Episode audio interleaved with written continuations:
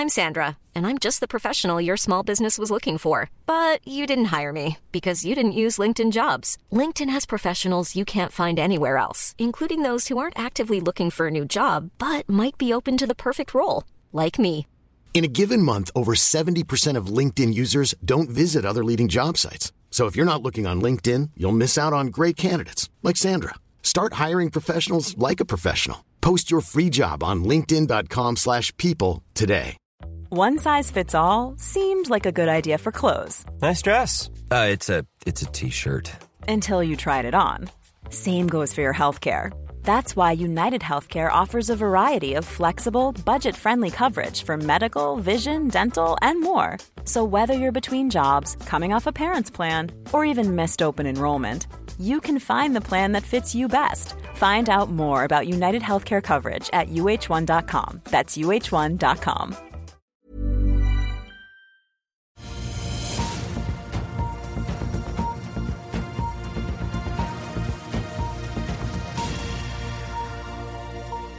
En riktig god tirsdagsmorgen alle sammen, og velkommen til Børsmorgen. Mitt navn er Marius Lorentzen, sammen med aksjekommentator Carl Johan Aanes på plass her på Smestadammen i Oslo.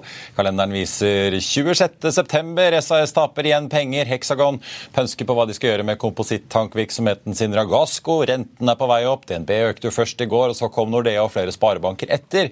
Og vi har fått et emisjonsvarsel fra Softox Solutions. Men la oss titte litt på nøkkeltallene i markedet aller først. Hovedveksten her hjemme ventes opp 0,3 fra start til ifølge Nordnett. DNB ligger litt bak med en ventet oppgang på 0,1. Vi endte jo ned 1,2% i går, da, som det som viste seg å være en ganske sur eh, børsdag både her hjemme og rundt oss på kontinentet. Det løsnet derimot utover kvelden på Wall Street, til tross for at det så litt mørkt ut fra start. Der John sendte opp 0,1, SMP 500 0,4 og Nasdaq 0,5 hvis vi er snille og runder litt eh, opp. Asia, der ser vi stort sett røde tall i dag. Nordsjøoljen ned en halv prosent ca. til 91,40. Av nyheter det er verdt å få med seg fra start, så har jo da SAS kommet med en børsmelding i morges. Kanskje ikke den vi ventet på, gitt at fristen da i emisjonen, eller i hvert fall for å tegne seg, emisjonen gikk ut i går. Men mens vi venter på hvem som skal bli de nye eierne i SAS, så kan vi jo titte litt på resultatene for august. De viser et resultat da etter skatt på minus 638 millioner svenske kroner i det som tradisjonelt er en måned som jo er midt i høysesongen, og en omsetning da på rundt fire svenske milliarder. Det skjer jo da etter julitallene, som var i pluss, og da også SAS i tredje kvartal, som da endte i juli, som også var det første kvartalet de har hatt med overskudd da siden pandemien startet. Tar vi og summerer opp alle tallene som har kommet da fra og med regnskapsåret til SAS startet i november i fjor, så er flyselskapet nå oppe i et underskudd på 4,4 milliarder. De endte august med 6,7 milliarder svenske kroner i kontanter på bok. Og de står på at tidsplanen er å, eller planen her da, å fullføre konkursprosessen i Chapter 11 i USA mot slutten av året. Hexagon Composites er ute med en melding. De varsler at gasstankvirksomheten Ragasco også er til salgs, eller i hvert fall potensielt er til salgs. De lanserer nå en strategisk gjennomgang av divisjonen, som produserer da propantanker i kompositt på den automatiserte fabrikken oppe ved Raufoss til både privatbruk til grill og andre større industrielle bruksområder. Selskapet har solgt over 22 millioner sånne tanker til 100 land opp gjennom årene, og ser nå store muligheter også utenfor Europa. Selskapets uh, toppsjef sier sitat at vi vil nøye vurdere om selskapets vekstpotensial best kan realiseres innenfor eller utenfor Hexagon Group. Det sier da Jon Erik Engeseth. Otovo har to nyheter på morgenen fra Tyskland. For det første så har de hyret inn en ny landsjef, Arthur Schreiber, som bl.a. har vært sjef i plattformselskapene Foodpanda og Delivery Hero i Tyskland og Østerrike. Og de lanserer også elbillader, i tillegg til å selge solpaneler. solpaneler. Det skjer da som følge av et nytt tysk støtteprogram som trer i kraft nå, der husholdningene kan få inntil 10 200 euro i kontantstøtte for å installere både solpaneler, batterier og elbilladere i en og samme runde. Det opplyser Autovo, som eh, skriver at de regner med å øke sitt snittsalg per kunde i Tyskland med rundt 2000 euro stykket. Men de sier ikke noe om eh, hva denne økningen da eventuelt gjør for lønnsomheten deres. Rammen på det tyske statsstøtteprogrammet er på 500 millioner euro, og bør jo Karl Johan dekke en 50 000-70 000 husholdninger, skal vi tro. Men du har skrevet om eh, renter i avisen i dag? Eh, ikke, ikke, i dag, men vi, vi skal snakke om renten. Ja. Det er det viktigste. Det er jo at eh, tiårsrenten eh, i USA jo, har jo gått over 4,55 og japanske yen eh, eh, er veldig svekka.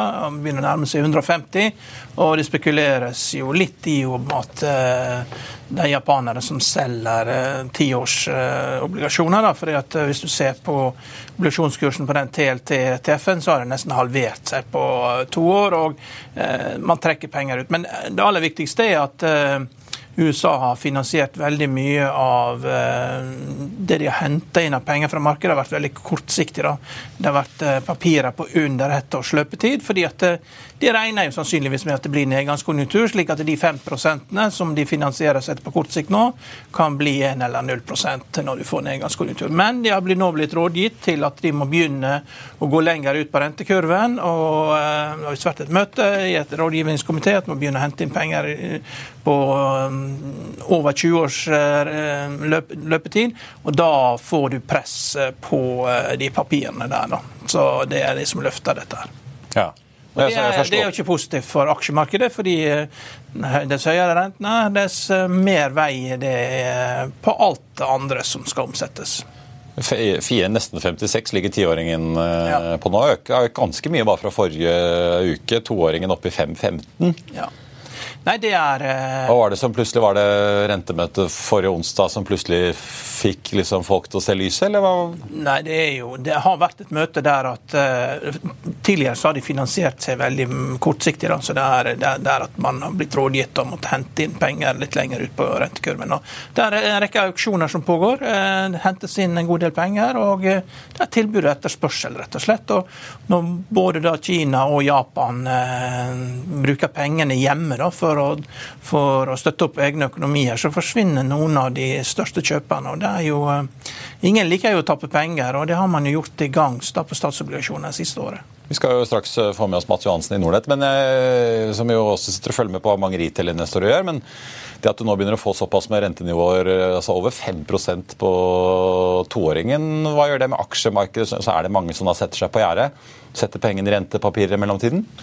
Det vil jo gradvis bli det, da, men du har jo hatt en, en du har jo hatt en sånn buy the dip mentality som har vært veldig sterk. og du har finansielle rådgivere som pusher på, og du kjører på med ETF-er og kjører på med momentum, og det går jo helt til det smeller. Så, men det er jo svakhet også i momentum-aksjene. Nvidia er vel ned med 20 nå. De fleste teknologiaksjene er svake. Alle IPO-ene som kom, teknologiaksjene er liksom har vært nede og testa IPO-kursene. Så, så, det blir ikke noe masse nye IPO-er i markedet. Så markedet er, markedet er svakt, og vi ser jo også at Jarand Rystad er ute i avisen og opprettholder sitt uh, syn på om at oljeprisen skal ned. Det går akkurat som planlagt, sier han. Det kommer mye olje fra USA. Og han venter fall slutten av 24, starten ja. av 25. Så vi, han har jo truffet før, da. han var vel en av de få som så skiferrevolusjonen, altså, Rysta Rystad Energy, da, som så skifertrøkket komme og varslet at her skulle prisen ned. Samme som Trond Omdal sa, vi går fra ene grøfta til den andre. ikke sant? Opp til 150 og ned til 40, så her svinger det. Ja. Nadia, sånn Nadia Wiggen, som jo har meldt overgang til Svelland Capital fra Pareto, var uenig med han, men uh, likevel tror du at litt som Rystad sier, at med de prisene nå så utløser det som investeringer. Det er jo, Vi har jo snakket mye om det både det, holdt jeg på å si nå og forrige uke også på Pareto-konferansen, hvor schizofrent det er på en måte med høy inntjening, kjempeutsikter. Det virker som det går sånne griner, ikke bare for oljeselskapene, men for veldig mange nedover serviceindustrien også. Samtidig så er det ingen som vil bygge rigger eller seismikkskip eller noe som helst. Nei, men vi, vi, har jo sett det at de, de, som sa at Shale skulle gå ned gjennom sommeren, de har jo fått rett. da. De har jo skremt markedet. Men det er jo Permian-felt det er jo gigantisk, ikke sant. Det er jo det er jo like stort som hele Sør-Norge. Og så driver drive og si at det, det, er lite olje tilgjengelig, det blir jo helt feil. Det, det er helt gigantisk, altså. Det er olje i 500 år sikkert. Det vil like sikkert komme deg å gjøre, men det er nok olje i verden. Ja, vi ser jo selv fra øverste hold i EU, EUs generalsekretær i kommisjonen for energi, sa jo nå at de regner med å trenge amerikansk energi i flere tiår. Ja. Gitt kostnadsfordelen vi i Norge har på rørgass, så er jo liv laga for Equinor og vår energi noen år til, virker det som. Ja, helt klart. Tenkte bare å ta med Karl før vi tar inn dagens gjest, at SAS har kommet med en melding, men de sier at de nå altså vurderer de innkomne budene som har kommet i emisjonen, at de skal komme med en ny melding så snart den evalueringen av eh, budene er ferdig. Så får vi se da hvem som banker på døren.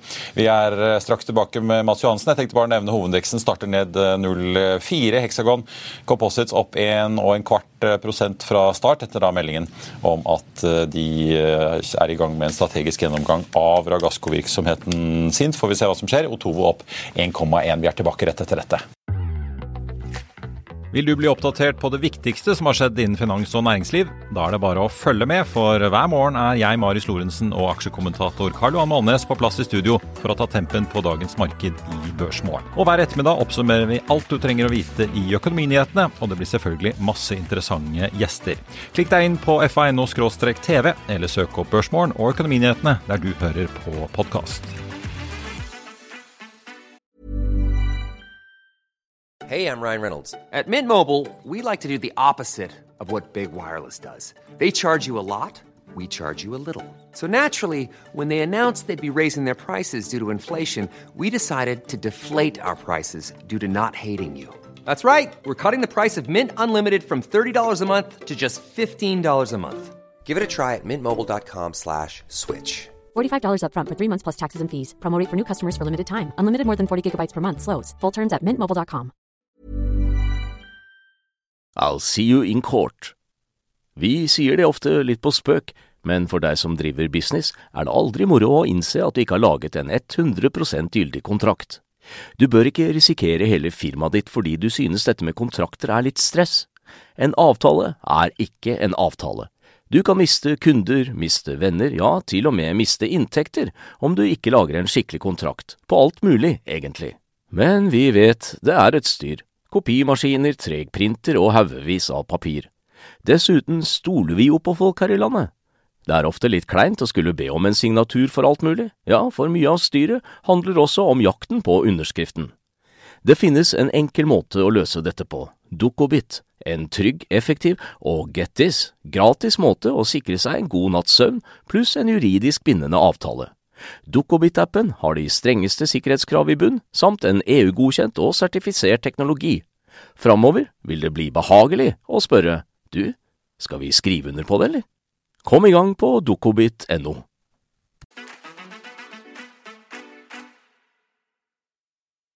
Velkommen tilbake. Da har vi fått med oss eh, Mats Johansen, investeringsøkonom i Nordnett. God morgen og velkommen, Mats. Takk, takk. Vi snakket jo om eh, oljeprisen her. Eh, et stort nedsalg i Vår Energi fra Hightech Vision her i forrige uke. og Dere merket at retail-investorene, i hvert fall hos dere, er på kjøperen og er interessert? Ja, det har vært sånn egentlig i flere år nå at uh, olje og syklisk, altså kall det den gamle økonomien, da, som uh, mange vil si, altså sykliske råvarer og olje, har vært veldig populært blant uh, våre kunder. Og det er jo i takt med kall det makroøkonomien sånn som den har vært de siste par årene. At det har vært olje, det har vært råvarer, det har vært stål som liksom har vært det som har vært in favor for, for sparerne. Og det, det, har jo vært bra hittil. Og så får vi jo se videre. Skal vi tro, som du sier, de som var på Pareto-konferansen, så vil de være bra i, i, mange mange år til. Men uh, man vet jo aldri. Nei, det var litt interessant. Analysesjefen Erik Kåvasen uh, poengterte jo det at i fjor så var det liksom investorene som var superbull på olje og gass, og nå var pandemien over. og I år så var det litt mer avdempet, men selskapene var blitt superbull og positive. Men dere merker ikke noe sånn eh, interesse, fall i interessen for olje, oljeservice? Nei, jeg synes egentlig det som har skjedd, er vel at det har spredd seg ned fra oljeprodusenter, som det startet med, helt ned nå til at det begynner å bli mye mer fart i oljeservice, rigg, og det begynner å gå stadig lenger ut på risikoskalaen, for å si på den måten, da, med seismikk, rigg, eh, dypvanns osv. Så, videre. så det begynner å bli ganske sånn høyt tempo i de aksjene, og det tredes for, eh, for ganske mye, store summer eh, i løpet av en dag. Så det er jo interessant. Jeg antar det var mange som byttet TGS og PGS i aksjer de dagene forrige uke da nyheten kom om fusjonen der? Ja, det har vært en fantastisk story for kundene mine. da. At PGS har de gjort en ordentlig kule i, og nå ser man at de har begynt å selge i stort monn og kjøpt TGS. Da. Så det er mange som har tro på denne sammenslåingen litt framover i tid. Men eh, det har vært, eh, vært veldig bra, den eh, PGS-en, så det er mange som, som koser seg, tror jeg. TG-sjefen var jo litt nervøs på starten av dagen her eh, sist mandag da fusjonen ble annonsert. for Aksjen hans startet jo ned, men det snudde jo. og De klarte jo kunststykket å få begge til å stige, og de hentet penger på ettermiddagen òg. Stor endring vet du, når du har vært asset light i 30 år, og så skal du plutselig begynne å ta inn assets. Det er jo eh, veldig spesielt. Stor endring. Ja, men det er jo... Tror jeg det var backa veldig av relativt store sånne bjellesauer også, som var aksjonærer, og som, som syntes dette var bra da, og trodde at uh, det var en kjempefordel for TGS, som sannsynligvis også smittet over på markedet. Og så hadde man jo, Det var vel midt under denne Pareto-konferansen òg, så det var vel mye store aktører som satt og, og dro i trådene i tillegg. Så jeg vil jo tro at det, det var en god timing sånn sett. Det var ikke så vanskelig å få tak i seismikkfolk opp uh, der? Nei, men det er klart eh, TGS hadde fantastiske år i, eh, fra 2012 til 2014. Du, så De har jo dobbelt så høye resultater som de har nå. eh, Det blir jo ikke det samme når du får inn assets. Og, men det er nødvendig. Som de sier, markedet er 75% mindre, og det må vi ta inn over oss. Og Da må vi tilpasse oss virkeligheten, og ikke, ikke drømme, liksom. Så, så det er jo en realitetsorientering. da. Så det er veldig bra. Vi får se. Det kan jo komme mer konsolidering i andre deler òg på både oljeselskapene og servicesiden? Ja, Det har vært snakk om det i mange år, egentlig, at uh, markedet har ment at man bør konsolidere. Så hadde vi Solstad Farstad der som egentlig kanskje den største, og så kanskje vi er i gang nå. da. Det er jo typisk at du får det jo rett etter nedgangskonjunkturen er ferdig og du er på vei opp. Da Da er det jo gjerne at det skjer ting. Så det er tydeligvis at vi er kanskje i de tider nå, da. Jeg vet ikke. Og Det gjelder jo å holde tungen litt uh, rett i munnen, uh, for du har jo også som Doff, som akkurat har kommet ut av en stor restrukturering. Solstad er jo på pengejakt, eh, for de har jo noen forfall nå i 2024 som man kan passe seg litt for som aksjonær, hvis det plutselig blir eh, kjørt emisjoner eller de blir utvannet? Ja, det er jo flere av de serviceselskapene som har hatt én én fot eh, hos banken, holdt jeg på å si, ganske lenge. nesten. Ja, ja. PGS også har jo vært i, i, det området der. Så det er jo sånne ting som du må eh, passe på som aksjonær, og, og være påpasselig og sitte litt lett på, på gasspedalen, holdt jeg på å si, når du sitter i de mest gjeldstyngende oljeserviceselskapene. da. Er det mye snakk, Vi har jo snakket mye om både Adevinta og Kahoot med disse to utenlandske frierne på dør. Er det mye snakk i foraene hos dere og blant kundene om eh, ikke hva man skal gjøre, eller? Ja, altså Ikke så mye om Adevinta, for det har vært en aksje som har vært litt sånn uh, Ikke så interessant for, uh, for retail-investorene. Men, men, Kahoot har jo vært veldig interessant. Uh, jeg har jo selv jeg holdt på å si dessverre vært aksjonær der og vært med på vei opp og på vei ned. Det, ja. så, så, det var ingen suksess. Men, men, der har det vært veldig mye diskusjon, og mye går jo rundt dette som Kistefoss bl.a. var ute med, at de mener at budet var for lavt. Og nå er vi jo på den andre utsettelsen, vel. På, på den tredje var det vel, nå er det 6. oktober, er vel, hvis ikke jeg husker helt feil, som er den nye ja. og siste fristen, ifølge Goldman Sachs. Ja, og det er jo flere da som kanskje syns at det er for billig, da, eller at de ikke får ut potensialet i, i, kursgevinst. Så det er i hvert fall en, en, pågående diskusjon der. Så skal ikke jeg si om det er billig eller dyrt, det har jeg ikke noe formening om. Men jeg, men jeg vil jo anta at disse som sitter i dette konsortiumet, vil tro at de ikke vil tape penger på den prisen. Så ja.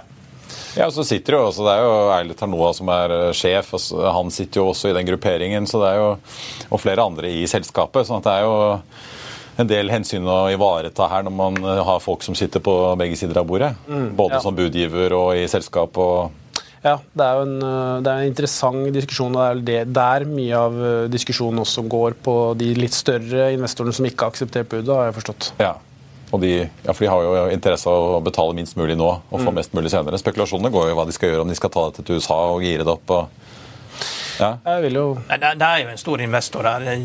General Atlantic Partner er et stort firma. I tillegg til Goldman Sachs så er det jo ikke bare Goldman som Nei, nei, bare de leder grupperingen, liksom. Ja. Og, de er jo vel connected, så det er ikke urimelig å anta at de har en plan. Nei. Om å tjene mer penger på dette one way or the other, enten ved å selge det videre direkte eller å og ta det på børs. Det er ikke urimelig å anta. Ja. Håpet blant den tredelen som ikke har takket, er vel at de får bli med videre. Ja, det er det. Vi får uh, se.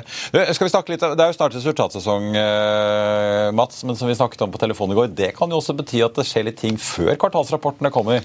I ja, ukene fremover? Det er jo typisk nå eh, resultatvarslene som kommer, da. Eh, det er jo klassisk det. Du får visibilitet for 2023, og du kan begynne å kanskje se litt inn i 24, og så begynner du å se og, og, gjøre opp kontantstrømmen og se om dette blir uh, i forventning til guiding eller ikke. da. Så, så, det er jo klart, du kan jo skje, og det pleier jo på høsten å skje ganske store ting. Det er jo gjerne derfor september-oktober er jo disse børskorreksjonsmånedene også. og Mye av grunnen til det også er jo pga. disse eh, profittadvarslene som da gjerne kommer, og kan skape litt furore i markedet. Altså det, vi går jo inn i en interessant og spennende tid for oss som følger markedet.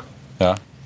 Helt klart. Det er vel nå eh, når liksom man får tittet inn i systemene ved utgangen av september, eh, så begynner man jo å se hvordan det har gått, og ser inn i ordreboken for Q4 og Q1. og det er opplagt. at når rentene går opp, så må pengene tas fra et sted. Det gjelder både privatpersoner og selskaper. Og jeg syns jo det er veldig mange av selskapene eh, som er kapitalintensive, som har flytende renter, eh, får nok en overraskelse på hvor mye likviditet som går med til renter. og det er jo det er, vel, det er, få som innrømmer det, men det er jo noen selskaper som sier at renta svir. Eh, ja.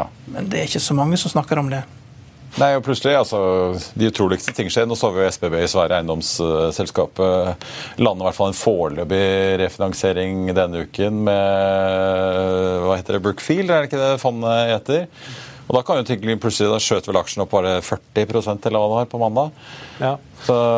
ja, altså Ikke bare det, men du ser jo det er jo ingen, omtrent ingen børsnoteringer. Det går mye lenger mellom emisjonene, så det er klart det er jo utfordrende for, eh, for markedet generelt å kunne skaffe penger. og Flere og flere sitter jo nå på, enten på gjerdet eller så har de plassert penger i rentepapirer. Jeg var inne på det litt tidligere i sendingen. altså Du får jo en 5,5% nå i, i, ganske trygge likviditetsfond, og det er attraktivt det er for mange. Å bare sitte på det og når du liksom ikke har den conviction på hvor markedet skal gå. Da. Nei, jeg så Dere har kjørt podkast til og med hvilket rentefond skal du velge, så jeg antar det er litt interesse og mange spørsmål der ute ja, om hvordan du da skal reallokere fra aksjer til eh, rentepapirer? da? Ja, jeg gjorde en liten kjapp regneøvelse i går og så på estimatene for uh, neste år på, på SMP 500. Da er vi prisa til P18 som for så vidt er lavt og lavere enn femårig historisk snitt. og Da er vi på en earnings yield på 5,5, og så har du statsrenter som du var inne på på 4,5, så da har du liksom en meravkastning i favøraksjer på 1 da, og Det begynner å bli ganske lite.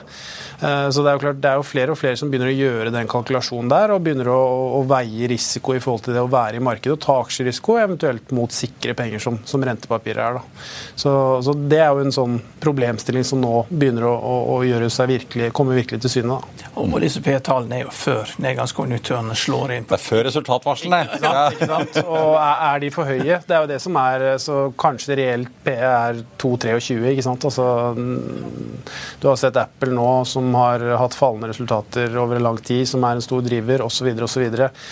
Hva skjer i forhold til AI og, og, og eventuelle de økonomiske gevinstene det vil gi? Så, så, det er mye usikkerhet der ute, som det alltid er, selvfølgelig, men uh, kanskje litt ekstra nå. Ja. Det, men eh, hvilke sektorer liksom bør man være mest bekymret for på resultatvarselsiden? Er det liksom eiendomseksponeringer og retail og jeg tror det er litt sånn rund baut. Altså, det er jo klart, Vi har jo en stor syklisk sektor nå. Hva skjer med laksesektoren osv.? Altså, det, det er flere ting som er interessant. Men jeg tror jo fortsatt type teknologiaksjer og sånt nå vil jo, i hvert fall de norske, vil jo være, ut, altså, det vil være utfordrende. Og så er det jo enkeltcase med for mye gjeld. Eh, hva skjer i oljeprisen, som dere snakket om? Altså, det har jo stor påvirkning eh, osv. Så, videre. så Så det er flere ting å se etter, men jeg har vel ikke noen sånn spesifikk bransje som jeg er sånn veldig bekymra for, annet enn det som er, står skrevet i solen, for å si det ja, ja. Hva med deg, Karl Johan? Nei, altså når, du, når, vi står på kanten til nedgangskonjunktur, så er det sånn når den kommer, så, så skal alle søke alle likviditet. Da er det dollar og rentepapirer som det eneste som står igjen. Selger ikke gull trygt i en sånn situasjon som det der. Det er god, du må ha likviditet. Og Det ser vi jo på private equity-selskapene. Når, du liksom, når du selger dine, må selge dine favoritter, så er det for at de også trenger likviditet. Mm. Og Det er derfor jeg er så bekymra for det med advintersituasjonen. For Hvis de kommer med et eh, bud, eh, så har de ikke finansiering. og Da, eh, da kan det skje litt ting. At kanskje Permira trenger likviditet, og at her skjer det et salg til Blackstone. De deler den potten. Permira får ut penger, putter inn i Blackstones eiendomsfond. Altså, at Permira selger aksjeposten de har i Advinta fra ja, før? tenker du på? Ja, på Blackstone og Blackstone. Altså, at de liksom det er helt klart at er, Hvis du sitter på en desk nå, hvis du sitter i Corporate Finance i USA, og du vet det ikke er emisjoner, så handler det jo om å generere salgsgevinster og exit-likviditet for private equity. Og Da gjelder det å blåse opp alle ballongene du kan som ligger på gulvet, og prøve å gjøre et eller annet med det. Mm. Uh, og Adevinta er en sånn ballong der at når Permira fått løfta verdien sin med 3 milliarder kroner for hver dag som går, og ikke får vite hva det budet er, så ser det der rarere og rarere ut. Ja. Så vi må følge med om de selger også. For uh, en annen sektor jeg tenkte på, luftfarten. Vi snakket jo om SAS. Det er jo et sånt, altså det har jo Vi snakket om, dere snakket om, selskapet selv har jo snakket om at det er jo stort sett flagg, den aksjen, for at der kommer det en kjempeutvanning hvis de konverterer masse gjeld. Mm.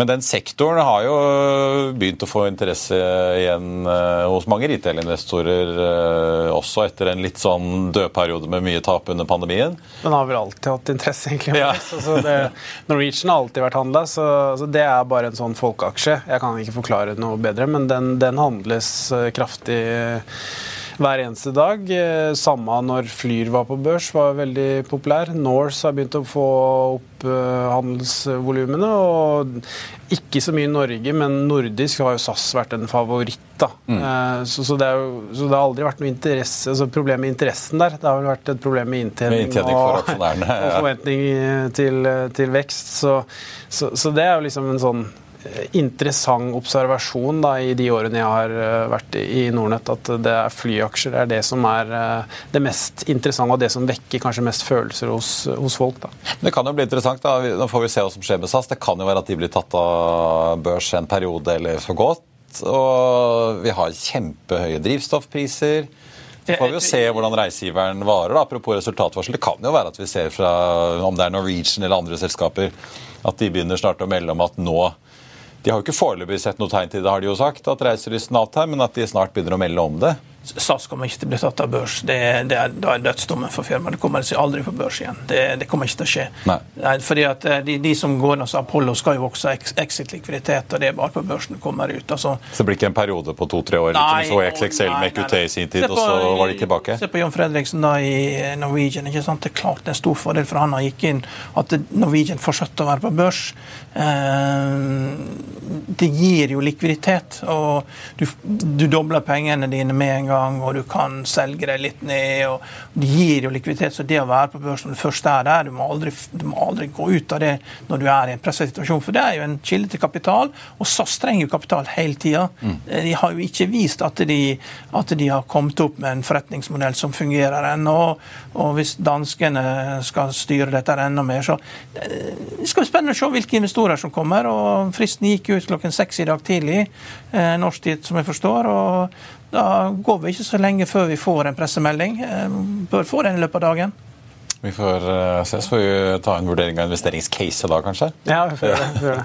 Vi følge med da om Norse og Norwegian kommer uh, Du så jo SAS la ned Molde-ruter, ikke sant?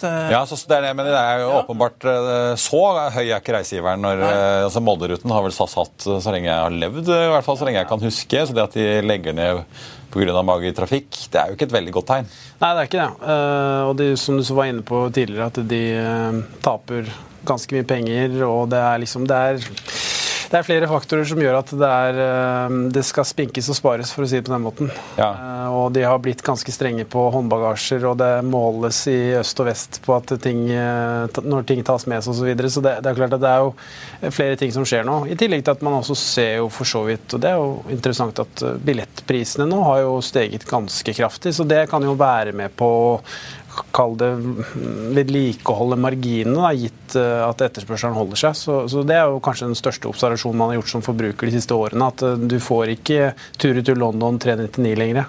Nei. Det er uh, i hvert fall ti ganger prisen. Og august skal ikke være en måned av året hvor det går i minus. Nei, men ellers, nei, det er altså, veldig, veldig, Ikke for å være for krass, men det er jo da man skal tjene pengene. Ja, ja. Det er jo vår, sommer og høst. Ja, og tidlig høst. Transavia oppretter ut fra Eindhoven til Norge, så er det jo ikke for at nordmenn skal fly til Eindhoven.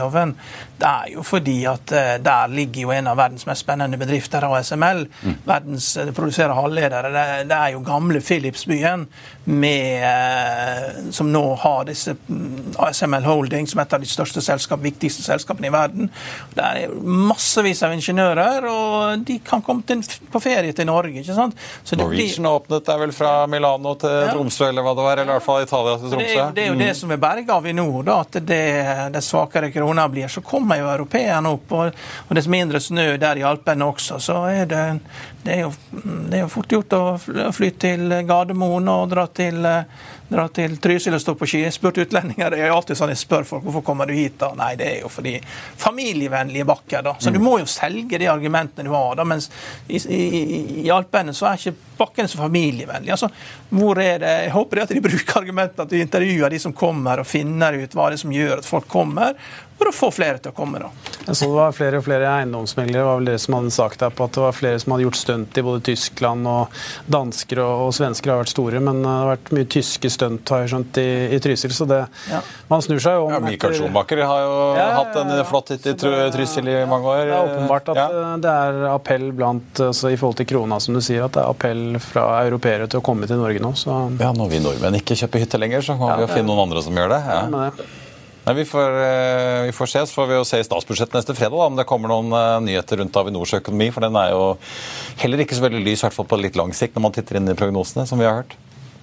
Mats Johansen, Nordnett, tusen takk for at eh, du kom til oss. Jeg tenkte bare på tampen av sendingen å eh, nevne at eh, Pareto jekker opp kursmålet på Subsea 7 fra 160 til 174. Gjentar sin kjøpsanbefaling. Den endte i går på 145. Og så nevnte jeg også Softalk Solutions, selskapet som jo nylig fikk en bot av børsen for å offentliggjøre innsideinformasjon for sent. De varsler nå en potensiell emisjon som de regner med at skal finne sted i andre halvår i år. Selskapet slapp i morges da resultatene sine. De fikk et driftsresultat på nesten 6 millioner i minus i andre kvartal, mot da minus 20 på samme tid i fjor. Ellers er Adevinta opp en halv prosent nå til 105,30. Hexagon opp 0,8 da etter meldingen om at de har satt i gang en strategisk vurdering av Ragasco-virksomheten sin. E16 ned en drøy prosent til 29 øre, og Tovo og fortsatt opp 1,1 på en børs som starter ned 0,4. Det var børsmålen for denne tirsdag 26.9. Husk å få med deg økonominyhetene 14.30 Da får vi med oss eh, Nordsøn. I mellomtiden så får du siste nytt på FA gjennom hele dagen. Ha en riktig god tirsdag alle sammen. Vi ses.